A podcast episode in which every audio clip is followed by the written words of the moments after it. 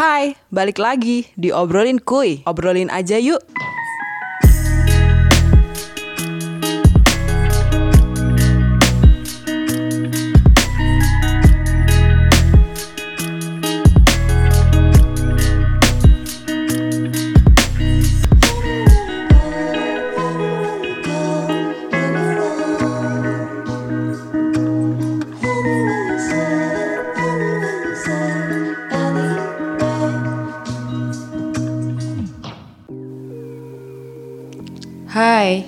Episode kali ini uh, aku bakal sedikit menceritakan perjalanan aku sebagai seorang fresh graduate dan juga perjalanan aku sebagai seorang job seeker yang berjalan secara beriringan.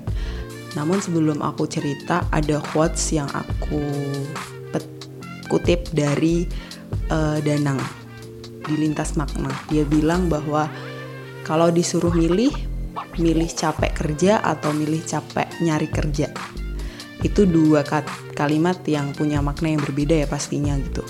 Kalau disuruh milih milih capek kerja atau pilih capek nyari kerja. Dan jawaban Danang adalah pilih capek kerja. Dan aku setuju karena uh, cari kerja itu lebih tidak ada harapan. Maksudnya uh, kita harus punya semangat ekstra biar um, bisa terus berjalan dan juga kita tetap bisa apply ke sana ke sini gitu. Capeknya kalau disuruh milih ya benar sih emang pilih capek ca kerja daripada capek nyari kerja gitu. Oke. Okay. Jadi kenapa aku sharing tentang ini karena ini sebagai memori aja sih kalau nantinya aku ingin mengenang atau ingin kembali ke masa lalu gitu mengingat-ingat ternyata cari kerja tuh sesusah itu ya gitu. Nah hari ini aku pengen sharing aja. Jadi uh, aku lulus di bulan Agustus 2020 di mana pada saat itu emang pandemi ya jadi aku lulus tanpa ada perayaan wisuda dan segala macam jadi bener-bener di rumah aja. Pada bulan Agustus 2020 itu setelah sidang dan aku dinyatakan sudah pantas untuk menyandang gelar sarjana teknik malamnya itu aku langsung bergegas bikin CV jadi uh, dari awal aku ambil skripsi itu emang mindset aku adalah nggak usah leha-leha deh gitu nggak usah istirahat-istirahat deh gitu. Nanti istirahatnya bisa sambil jalan gitu. Dan akhirnya aku memutuskan untuk oke okay, aku langsung bikin CV pada saat itu sebenarnya karena aku tuh nggak bisa yang edit-edit ya kayak desain-desain itu aku tuh belum bisa dan aku nggak tahu kalau ternyata ada aplikasinya di Google banyak banget. Nanti kalau misal kalian butuh kalian tinggal searching aja. Uh, sebenarnya aku nggak bisa sama sekali dan waktu itu uang di m banking aku tuh masih ada. Jadi uh, waktu itu aku gunain buat bikin CV jadi dibikinin orang gitu. Bikin dan bayar 50 ribu itu udah dapat cover letter sama CV terus udah uh, aku bi aku bikinlah CV itu paginya aku langsung gas. Pokoknya mungkin karena naluriku sebagai anak pertama ya jadi kayak nggak ada istilah kayak istirahat istirahat tuh nggak ada gitu. Terus aku langsung gas bikin uh, akun di LinkedIn di Kaliber di uh, portal-portal job seeker terus juga aku follow Instagram uh, job job gitu yang ada di Indonesia gitu. Waktu itu uh, aku daftar di semuanya. Jadi aku tidak me memilih harus di geofisika sesuai dengan uh, kuliah yang aku ambil atau harus di ilmu-ilmu yang seperti itu tuh enggak sama sekali. Jadi waktu itu aku apply di semuanya. Jadi uh, nggak memandang bidangnya gitu loh. Jadi selagi dia open buat semua jurusan gitu aku apply gitu. Jadi setelah itu aku daftar daftar daftar gitu semuanya. Bahkan kayak bisa dibilang tuh aku beberapa kali sering ceroboh gitu loh. Jadi kayak sering kesandung istilahnya kayak uh, aku daftar di beberapa perusahaan yang ternyata itu perusahaannya tuh penipuan gitu. Pernah di satu kasus aku apply gitu kan. Dan aku tuh nggak tahu ternyata perusahaan itu tuh perusahaan yang uh, kita tuh disuruh nyari apa ya istilahnya kayak konsumen baru gitu loh. Tapi arah tujuannya tuh nggak jelas gitu loh. Nah waktu itu langsung di WhatsApp ternyata aku disuruh interview ke Surabaya. Sebenarnya waktu itu udah udah feeling feeling gak enak sih. Pasti ini penipuan dan segala macam. Akhirnya nggak aku ambil dan aku nggak berangkat ke Surabaya itu di bulan masih di bulan Agustus. Uh, di bulan September aku apply waktu itu uh, startup.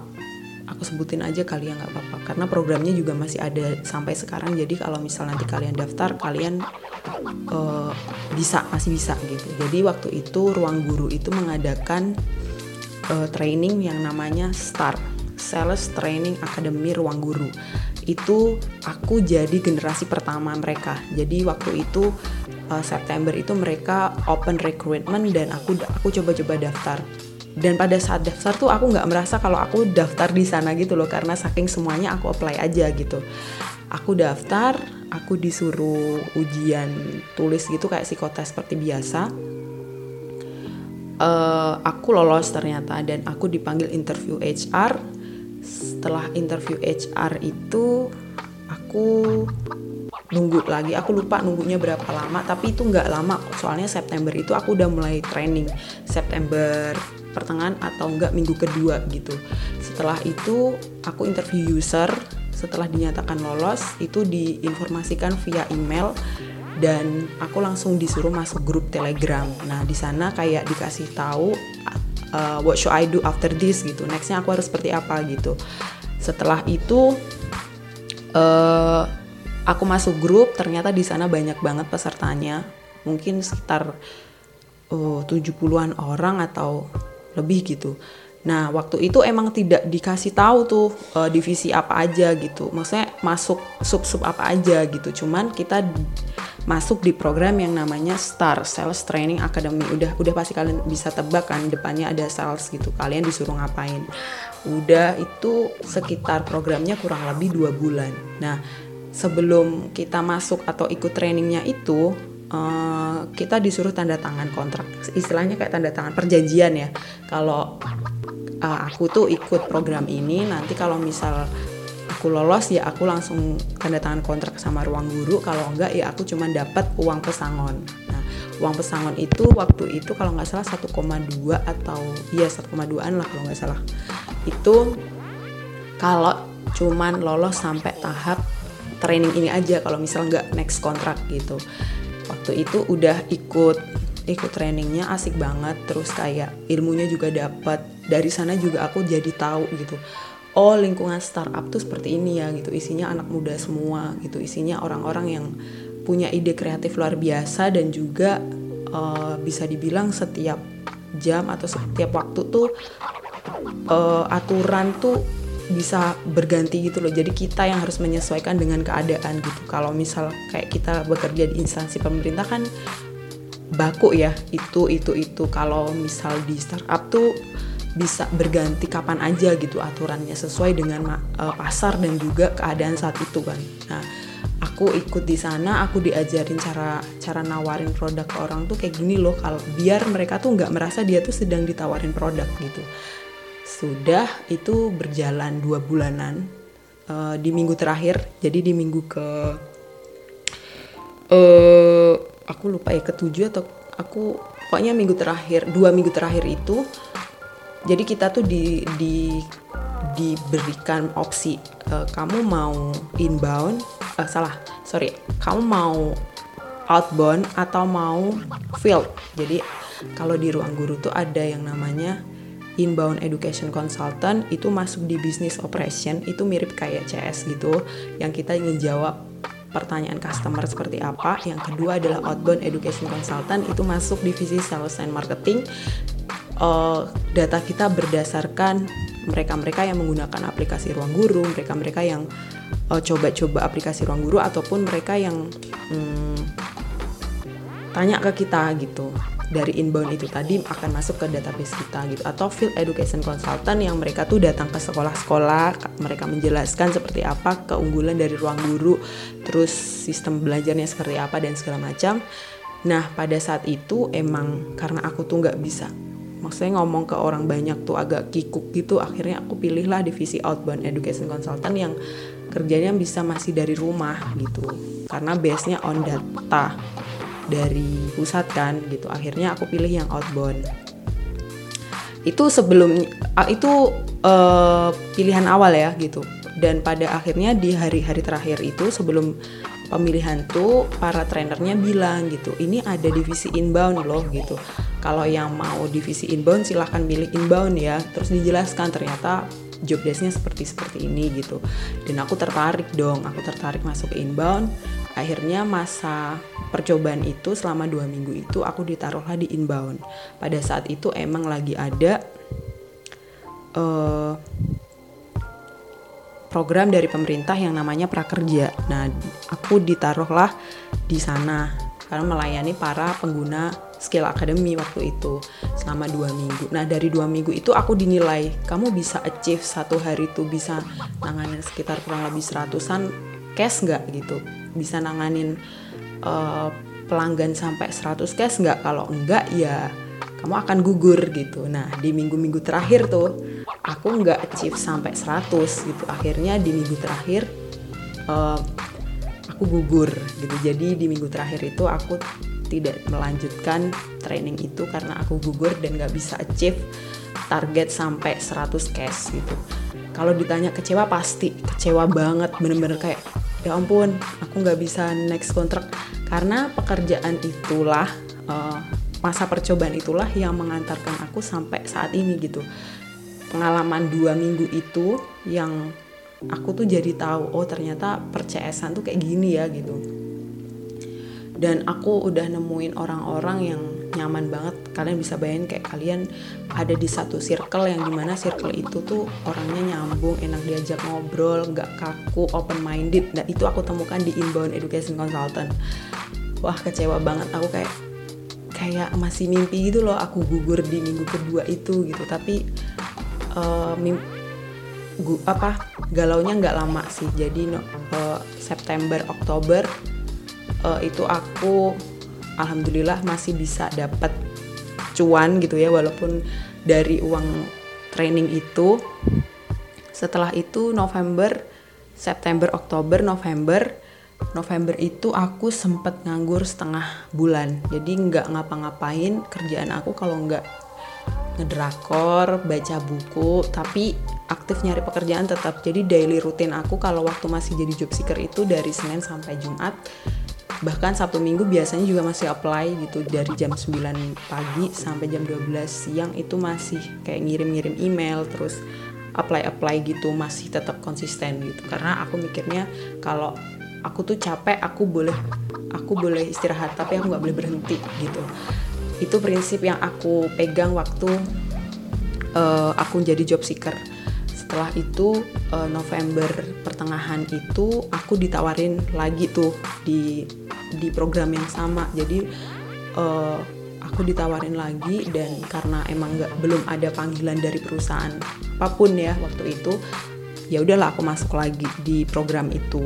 Nah waktu itu udah batch 3 udah batch 3 aku berharapnya berharap banget inbound tuh masih buka di saat itu. Aku berharapnya masih buka. Ternyata enggak.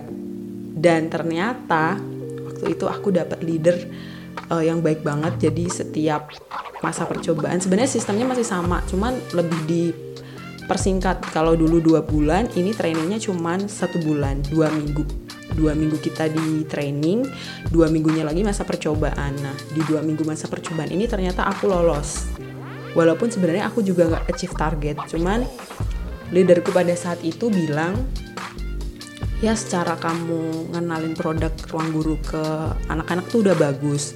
Mungkin emang musimnya tuh lagi belum high season jadi uh, makanya kamu belum achieve gitu. Dan baiknya adalah waktu itu bener-bener Allah mempermudah jalan aku banget waktu itu uh, leader aku tuh jadi ceritanya hari Jumat itu uh, kita kita masa percobaan tuh dari jam 9 pagi sampai jam 5 sore. Jam 9 itu kita briefing via Zoom atau Google Meet, terus nanti jam 5 sore kita juga briefing pulang via Zoom atau via Google Meet. Nah, setelah pulang itu kan aku udah tutup laptop, udah udah beberes lah istilahnya nah waktu itu uh, leaderku tuh telepon gitu. Leaderku telepon kayak Yas kode kamu berapa? gitu. Ini mbak gitu. Ini kak gitu. Buat apa ya kak? Kan aku kaget ya. Maksudnya kayak ngapain nanya kode kode kode aku? gitu. Sedangkan kode aku juga udah aku share tapi kayak belum ada yang respon gitu loh. Siswa-siswanya kayak nggak ada yang pengen berlangganan gitu. Uh, ini nih dari inbound ada yang mau ada yang mau berlangganan gitu. Aku kasih ke kamu ya gitu. Karena leader tuh tahu kayak aku aku tuh tiap hari bisa ngechat ke murid-murid tuh bisa sampai 100 kontak gitu. Tapi yang respon tuh paling cuma satu dua gitu. Padahal tuh aku udah minta data tambahan ke leader gitu. Kayak kak aku boleh minta lagi nggak? Coba aku hubungin kali aja ada yang respon gitu. Mungkin leader aku ngelihat kesungguhan aku gitu ya walaupun belum ada hasilnya. Tapi uh, kesungguhan itu tadi yang dinilai gitu. Akhirnya uh, siswa ini dikasih kode diskon aku dan akhirnya achieve 1 juta. Padahal waktu itu aku bener-bener nol.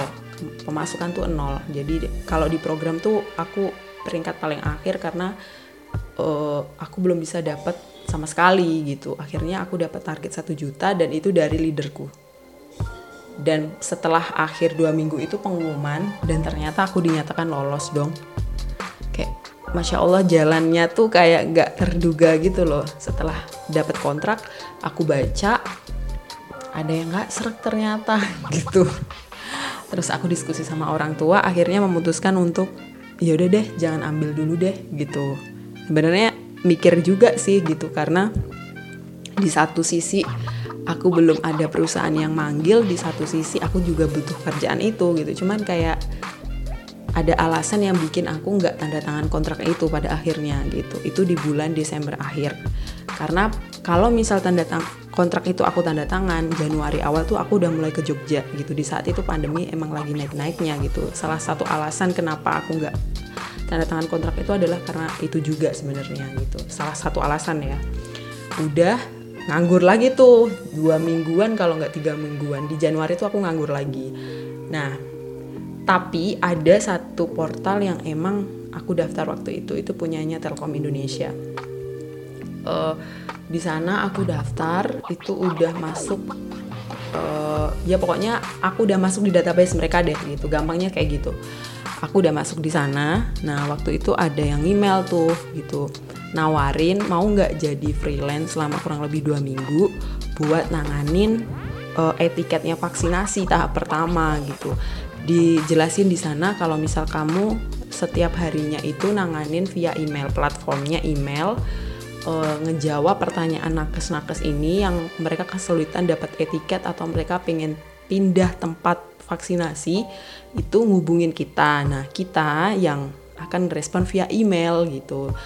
Ya udahlah aku terima karena waktu itu bayarannya tuh satu hari tuh 100 ribu dengan kamu hmm, apa namanya nanganin via email 100 email sehari gitu. Ya udahlah aku ambil. Waktu itu kurang lebih dua minggu udah tuh lumayan kan. Setidaknya tuh m banking aku tuh nggak kosong gitu loh guys. Jadi aku ambil aja dua minggu. Itu udah uh, Januari akhir selesaikan freelance-nya. Terus Februari nganggur lagi tuh. Tapi aku juga nggak nggak diem aja tetap tetap cari apply gitu. Kalau nanti di akhir aku bakal cerita tentang up and down-nya ya. Februari itu nganggur terus tapi sebenarnya tetap ada sih perusahaan-perusahaan yang manggil kayak interview HR terus psikotes terus uh, pemberitahuan kalau aku lolos tahap selanjutnya tapi belum ada informasi. Itu sebenarnya masih ada sih cuman ya emang belum rezekinya aja di sana gitu. Kayak di bank. Di bank tuh ada salah satu bank BUMN yang aku lolos sampai tahap interview HR walaupun aku sebenarnya tahu itu susah banget dan aku bersyukur bisa sampai HR dan walaupun gagal di user ya nggak lolos di HR-nya itu tapi aku bersyukur bisa ketemu orang-orang yang pinter-pinter banget parah. Kayak mereka tuh cara ngomongnya bener terus ya emang beda sih ya anak ekonomi sama anak IPA kayak ya itu ranah mereka sedangkan aku anak bawang gitu. Udah itu Februari. Uh, ini sebenarnya cerita yang ini udah aku ceritain di yang The Power of Three Point nanti kalian bisa dengerin. Uh, Februari akhir itu uh, aku dihubungin lagi tuh sama ruang guru gitu. Ruang guru ada dan ini bener-bener bikin aku seneng banget karena ternyata inbound lagi buka buka. Itu nggak aku nggak nyari ya mereka yang email aku karena mungkin database nama aku profil aku tuh masih kesimpan di mereka gitu. Bahkan kemarin tuh sempet juga nawarin gitu cuman karena aku lagi sakit jadi aku nggak tahu kalau ternyata ada email dari mereka gitu. Hmm, Februari akhir aku di email uh, katanya kalau menurut user kami kamu masih bisa uh, database kamu tersimpan di kami dan kami menawarkan untuk join kembali gitu. Bilangnya gitu selama kurang lebih dua bulan sampai tiga bulanan uh, kurang lebih tiga bulanan di inbound education consultant gitu udah aku nggak lang nggak mikir panjang. Aku langsung gas aku tanda tangan kontrak aku kirim ke Jogja. Aku mulai kerja di awal Maret. Maret April Mei itu aku udah mulai kerja di sana. Aku ketemu orang-orang yang dulu aku kangenin banget. Wah bener-bener rezeki banget deh pokoknya itu. Itu selama tiga bulan akhirnya aku nggak nganggur. Setelah itu yang di portalnya Telkom Indonesia itu terus berjalan gitu. Pada bulan Juni setelah kontrak itu selesai, aku dipanggil interview HR gitu. Dipanggil interview HR. Hmm, udah via telepon waktu itu, via telepon kayak uh, mereka ngubungin aku terus nggak via zoom kayak biasanya gitu loh jadi mereka ngubunginnya via telepon kurang lebih 10 sampai 15 menit lah sebentar banget terus langsung pengumuman kan sorenya dan aku lolos HR terus itu masih dua mingguan lagi kalau nggak salah itu langsung interview user interview user di Telkom uh, jadi nanti kalau misal kamu lolos nih misal aku lolos di interview uh, user itu nanti aku akan bergabung di Telkomsel gitu. Jadi setelah itu uh, aku interview user itu sebenarnya feeling aku udah nggak diterima sih karena di interview user itu ibunya bilang kalau uh, kamu bisa bahasa Inggris nggak? Gitu kan. Pertanyaan terakhir tuh itu kamu bisa bahasa Inggris nggak? Gitu. Sebelum masuk ke pertanyaan kamu bisa bahasa Inggris nggak? itu uh, ibunya nanya uh, Tias ini ada pengalaman sebagai inbound ya? Ya ibu benar gitu. Coba dong jelasin kamu tuh kalau pas di inbound tuh ngapain aja sih? Gitu. Ya udahlah aku jelasin aku jelasin platformnya seperti apa alurnya seperti apa terus kalau misal ada hard complaint tuh aku nanganinnya seperti apa gitu. Nah feeling aku nih kenapa aku bisa diterima? Karena ibunya tahu pengalaman aku sebelumnya gitu. Jadi ibunya tuh nggak memikirkan aku bahasa Inggrisnya tuh jelek banget. Udah itu bener-bener kayak wah pak keringet dingin aku waktu itu. Karena yang menginterview ini adalah salah satu manajer di divisi Telkomsel yang ada di Bandung gitu kan. Terus ibunya nanya lagi dong gitu Tias kalau misalnya nanti ditempatin di emang waktu itu uh, pilihannya tuh kalau di portal emang di Semarang kan. Nanti kalau misal aku lolos aku ditempatin di Semarang gitu. Tias sebelumnya pernah ini nggak kayak uh, kerja di luar yang jauh dari rumah nggak? Kayak mungkin praktek kerja atau gimana gitu. Ya udah aku jelasin lah gitu. Aku uh, iya ibu saya pernah PKL praktek kerja lapangan di Jakarta. Di Jakarta Selatan kurang lebih satu bulan. Terus KKN juga saya pernah di Ngawi gitu. Oh berarti udah biasa ya jauh dari rumah gitu. Itu terus pertanyaan bahasa Inggrisnya adalah ini teman-teman. Uh, kamu kuliah di Malang ya Yas? Gitu. Iya ibu gitu. Coba dong kalau misal aku ke Malang nanti aku tuh harus ke mana sih gitu? Ke mana aja sih gitu? Coba jelasin pakai bahasa Inggris gitu. Jadi istilahnya uh, jadi nanyanya bahasa Inggris tuh bukan seputar pekerjaan itu guys. Enggak gitu. Sedangkan aku tuh udah siapin contekan tuh kalau misal aku ditanya ini ini ini tuh aku jawabnya kayak bahasa Inggrisnya tuh ini ini ini gitu. Ternyata pertanyaannya tuh nggak seputar kerjaan. Itu aku udah kayak aduh fix nggak lolos sih. Itu terus hmm, ibunya closing gitu kan uh, Terima kasih Tias buat waktunya. Nanti akan kami informasikan lebih lanjut apakah Tias lolos tahap selanjutnya atau tidak. Nanti akan kita informasikan melalui email ya gitu. E, ditunggu gitu. Udah. Udah, aku udah feeling sebenarnya aku nggak akan keterima karena bahasa Inggris aku jelek guys gitu. Akhirnya oh udah aku nunggu-nunggu itu masih di bulan Juni ternyata Juni aw, uh, pertengahan kalau nggak akhir itu aku di email ternyata aku lolos. Eh enggak ralat sorry. Jadi kalau di portal itu tuh ada per, per poin gitu loh. Kayak kita di peta itu kalau misal kita mau ke suatu area gitu ya ada kayak kalian pernah nonton Dora nggak sih? Nah Dora tuh kan ada pos-posnya tuh. Nah kalau di portal itu juga sama gitu ada pos-posnya gitu. Kalau misal lolos tuh tanda hijau kalau nggak lolos tuh tanda merah gitu. Sorenya setelah interview user itu aku tuh cek-cek cek-cek si portal itu sebenarnya aku agak takut sih gitu karena aduh merah lagi ini nanti pasti gitu. Udah kayak wah karena sebelumnya aku juga pernah daftar di divisi yang berbeda dari divisi itu gitu dan tandanya tuh merah di interview user gitu. Udah aku cek tuh sorenya dan ternyata hijau. Wow ibunya baik banget terima kasih ibu eh, wow tandanya me eh tandanya hijau gitu itu aku masih nggak ini bener gak sih tandanya hijau gitu? Aku buka lagi tuh habis isa. Iya sih nggak ganti sih warnanya hijau. Terus paginya aku langsung dimasukin grup gitu di WhatsApp gitu terus dikabarin e, kalian training mulai bulan Juli ya gitu. kalian trainingnya kurang lebih nanti 14 hari. Nanti kalian dijelasin tentang skill soft skill dan hard skill. Oke sebelum masuk ke training itu ternyata masih ada tesnya guys uh, masuk Telkomsel tuh nggak semudah masuk startup sebelumnya ternyata.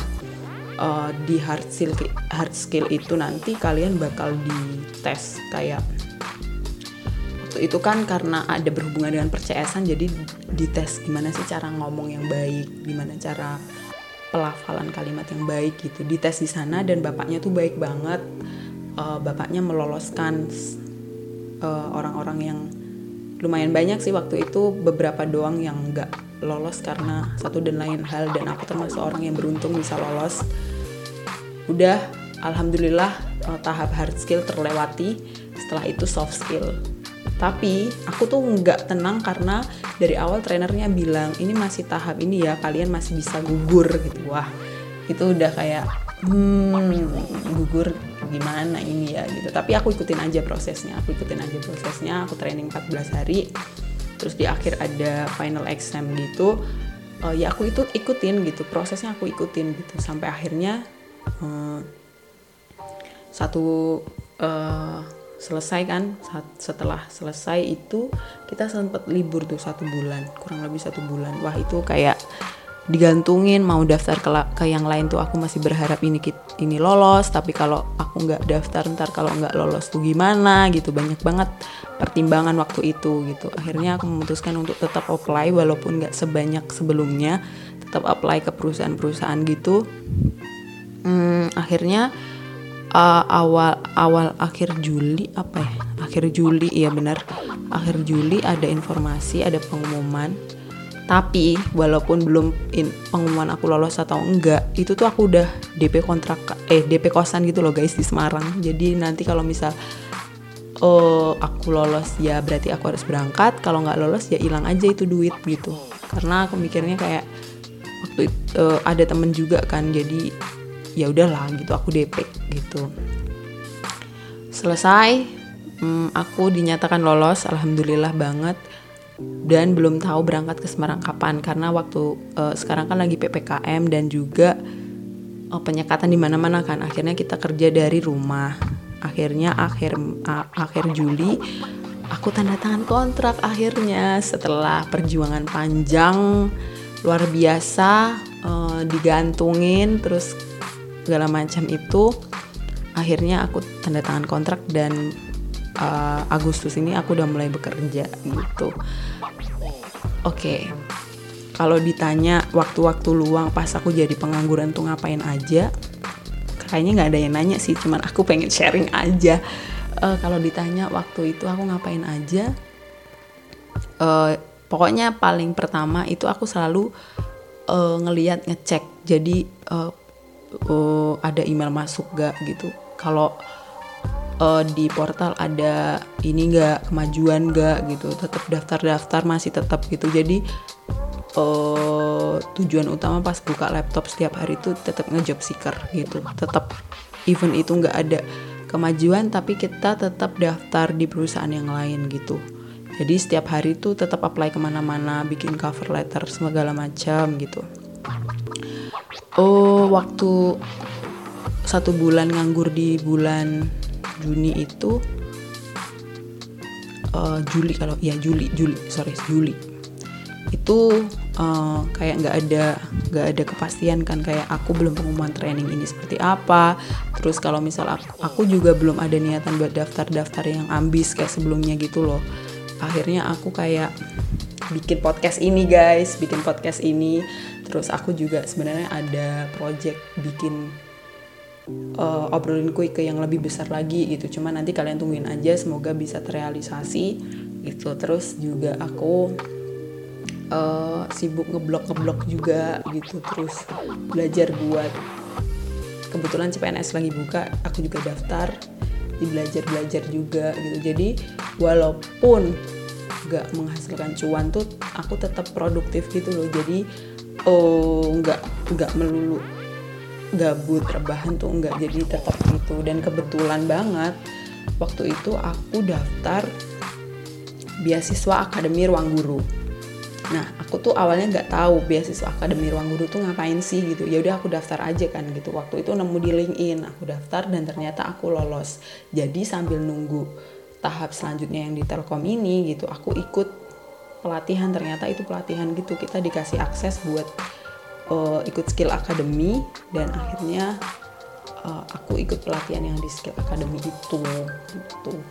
Oh, jadi waktunya tuh terus terpakai gitu loh. Tapi kalau dibilang ada nggak sih masa up and downnya? Banyak banget pasti ada gitu. Apalagi uh, pandemi ini banyak banget teman-teman aku yang nikah gitu. Wah itu benar-benar tekanan batinnya luar biasa gitu. Sampai akhirnya kok kok mereka lulus nikah aja dah gitu.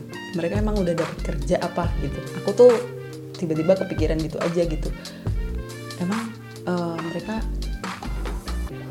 apa udah dapat uang apa gitu. Sampai segitunya gitu loh saking kayak udah berani banget di usia yang masih muda di usia 23 seperti aku udah bisa melangkah ke tahap seserius itu gitu. Aku kayak wow ternyata ya nggak kita kan nggak tahu ya rezeki itu seperti apa. Pasti Allah udah menyiapkan rezeki buat umat-umatnya kan gitu.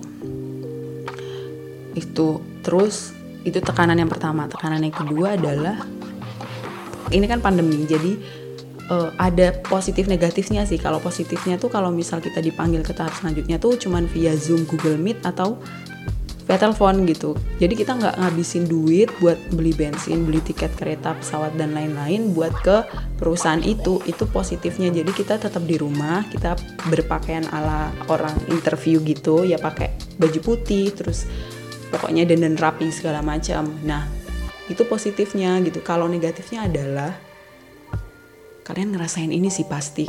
Oh misal kalian daftar di satu perusahaan gitu kan. Udah tuh pasti kan kalian kalau dipanggil interview HR nanti kan ganti baju terus make upan gitu. Kalau buat cewek ya kalau pengalaman aku sendiri gitu. Terus habis itu pasti kalian ditanya orang tua kan kayak itu tuh wah itu menurut aku juga tekanan sih kayak gimana kemarin? Kan banyak daftar gitu. Gimana gimana? Gitu. Sebenarnya kita tahu kita tuh nggak lolos karena nggak dikasih informasi atau dikasih uh, message kan email gitu kan. Kita tahu kayaknya kita nggak lolos gitu. Tapi kita bingung kita menjelaskan ke orang tuanya tuh orang tua kita tuh gimana gitu kan. Karena kayak kok kamu nggak bisa sih? Gitu loh. Sebenarnya walaupun orang tua juga maklum gitu sayangannya banyak ini pandemi banyak yang lamar segala macam sebenarnya orang tua juga paham gitu. Cuman kayak aku sendiri yang kayak kadang malah setelah momen kayak gitu tuh aku udah jarang banget ngomong ke orang tua. Aku daftar ke mana aja terus prosesnya seperti apa. Mungkin aku akan cerita ke mereka kalau misal aku dipanggil interview. Itu aku baru berani cerita kalau misal sebelum sebelumnya kayak masih tahap administrasi psikotes itu aku nggak berani cerita. Jadi kalau udah interview user atau HR aku masih baru berani cerita gitu. Gitu. Itu uh, uh, tekanan kedua gitu. Tekanan ketiga adalah karena pandemi ini kita kan masih di rumah aja ya ketemunya dengan orang rumah. Uh, setelah kayak pengumuman itu kan pasti mereka nanya gimana? gitu kan. Nah sebenarnya ini hampir sama sih alasannya kayak alasan nomor dua gitu. Gimana? Lolos nggak? gitu loh.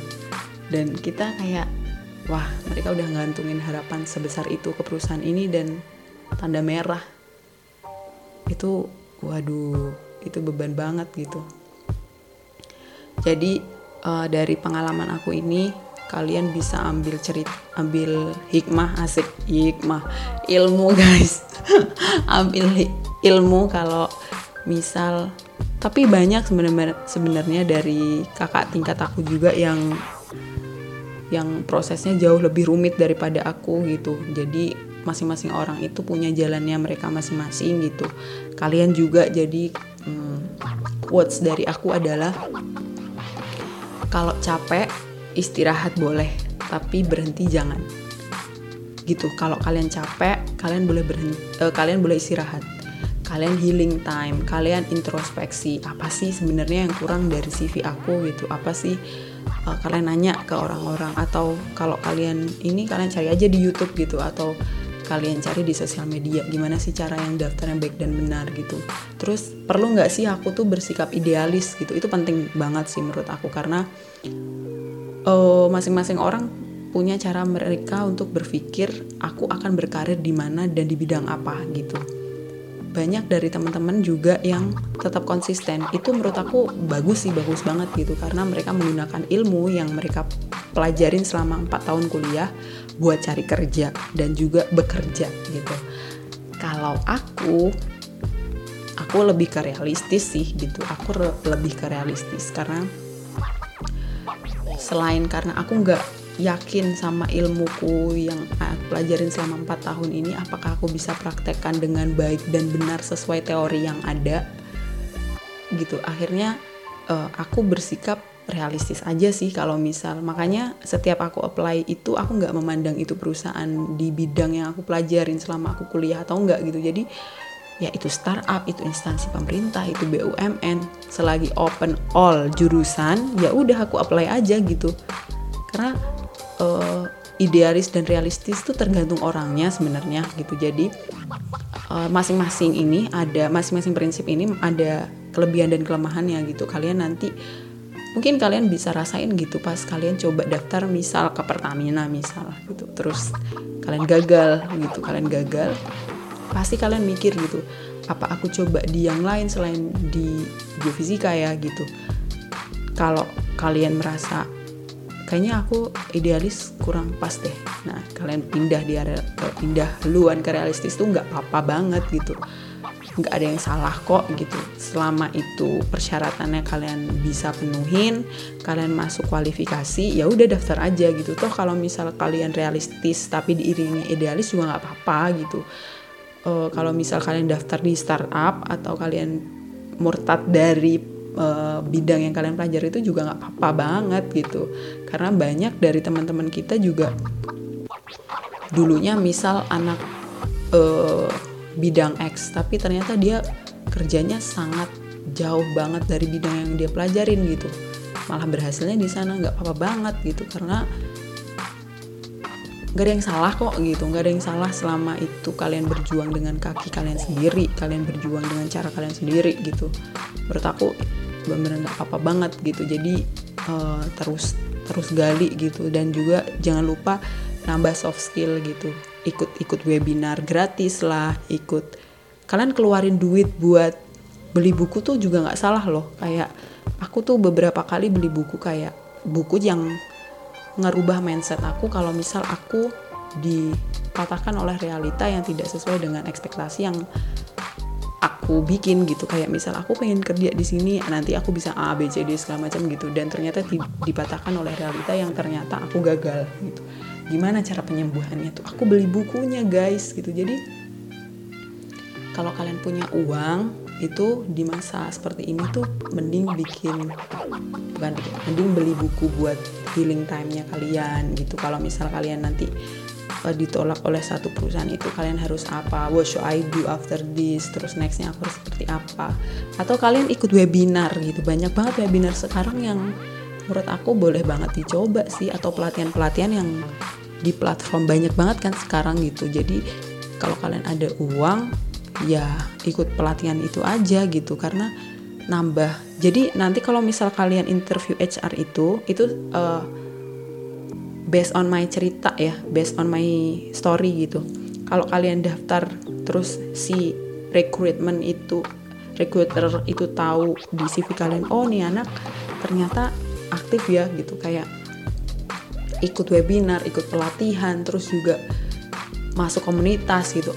Kebetulan banget aku belum cerita. Jadi selama Januari hingga sampai saat ini tuh aku juga ikut komunitas gitu. Jadi uh, produktifku tuh masih terus terus produktif gitu. Nggak nggak ya ada sih yang yang sehari aku rebahan gitu. Ada ada ada ada aja gitu. Cuman nggak lama gitu. Jadi tetap ada kegiatan gitu loh kalian boleh boleh banget gitu kayak ikut training atau pelatihan ikut webinar terus ikut komunitas terus ikut apa namanya hmm, ya pokoknya uh, masuk organisasi lah gitu. Influ influ influ apa sih namanya aku lupa deh. Volunteer guys. Kalian juga bisa banget ikut volunteer karena nanti HR akan menilai oh nih anak aktif ya gitu. Oh nih anak tetap tetap uh, soft skillnya tetap keasah gitu. Uh, itu sih dan quotes aku jangan lupa gitu. Kalian kalau capek kalian boleh istirahat tapi kalian nggak boleh berhenti karena yang menentukan masa depan kalian adalah kalian sendiri. Thank you uh, itu aja sharingnya buat hari ini buat episode ini gitu. Bye thank you guys